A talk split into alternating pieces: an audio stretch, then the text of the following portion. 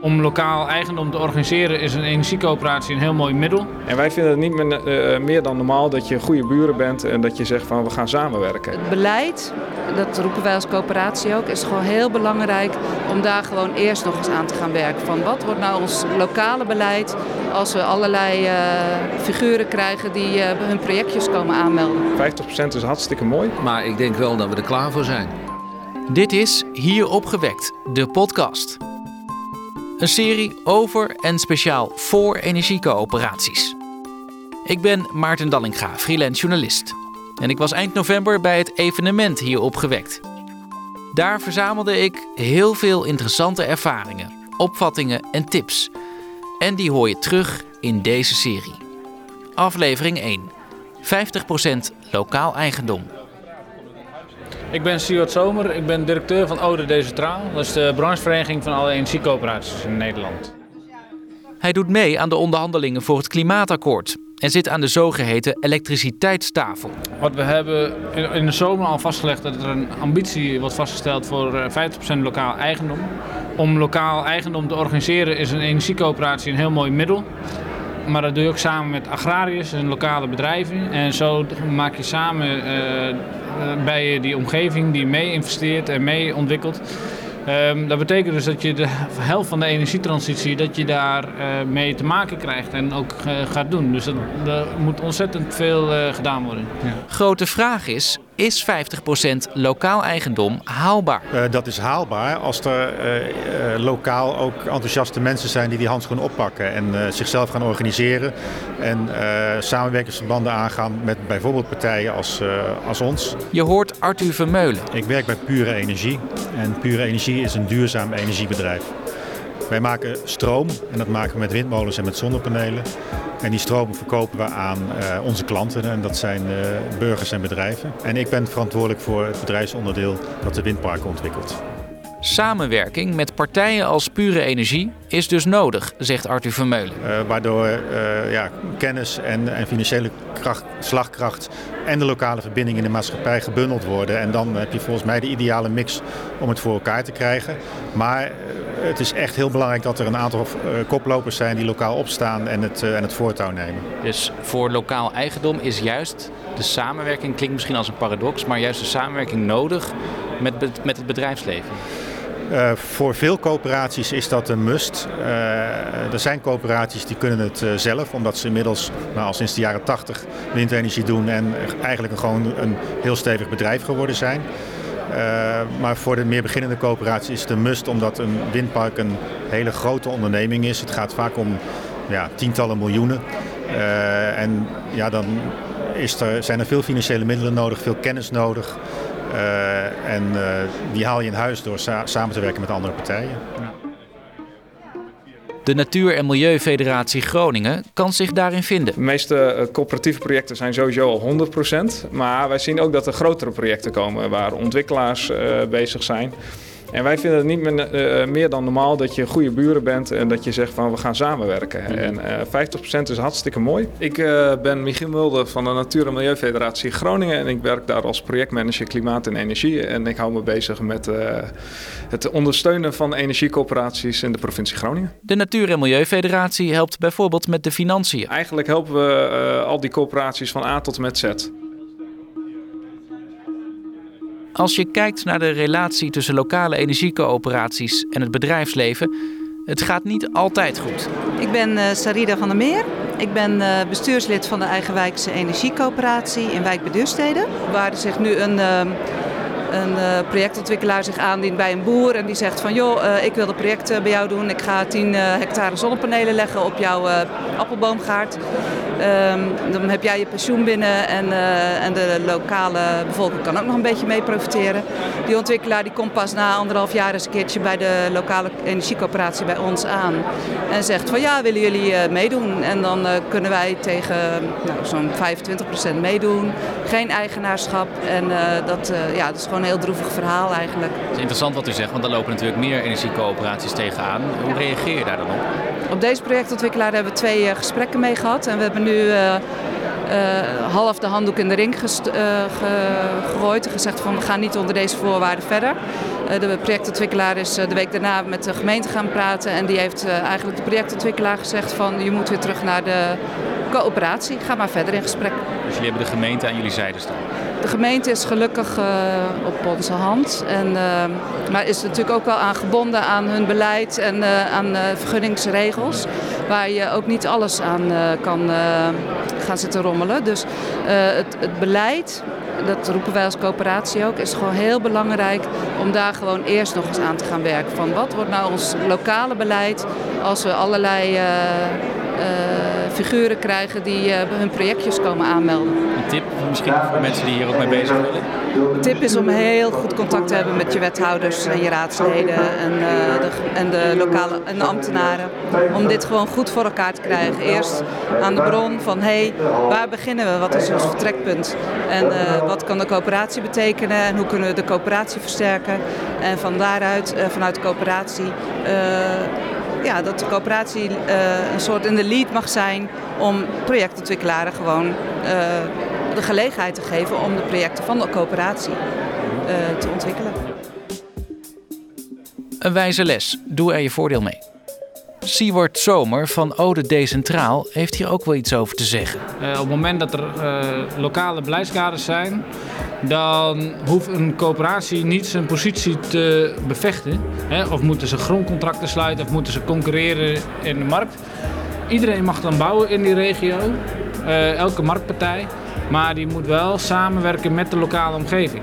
En dat als je dat goed vastlegt in de, in de beleidskaders, dan, um, ja, dan, dan wordt die positie ook gecreëerd. En dan, kan, dan heeft een uh, energiecoöperatie ook de mogelijkheid om in, nou, niet in alle rust, het moet dan wel snel, maar om zichzelf wat langzaam te professionaliseren om ook die rol te pakken.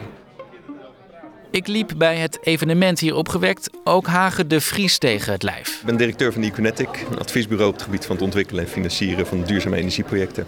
50% lokaal eigendom, wat, wat vind jij daarvan?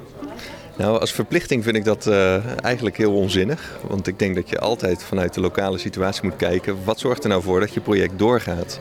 En verplicht 50% eigendom zou ook een heleboel ontwikkelaars weg kunnen jagen...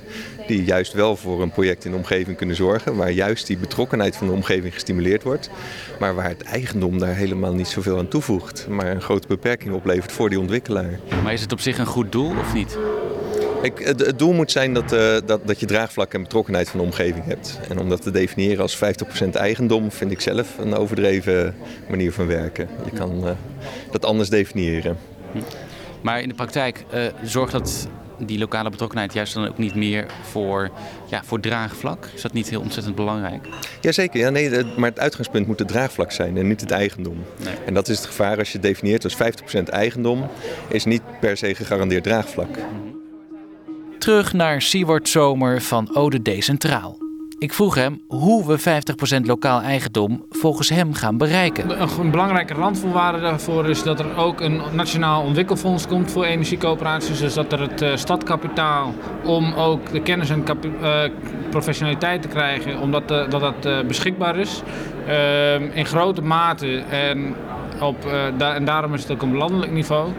Um, en daarnaast moet er heel veel kennis gedeeld worden. En dat is wel het mooie van energiecoöperaties.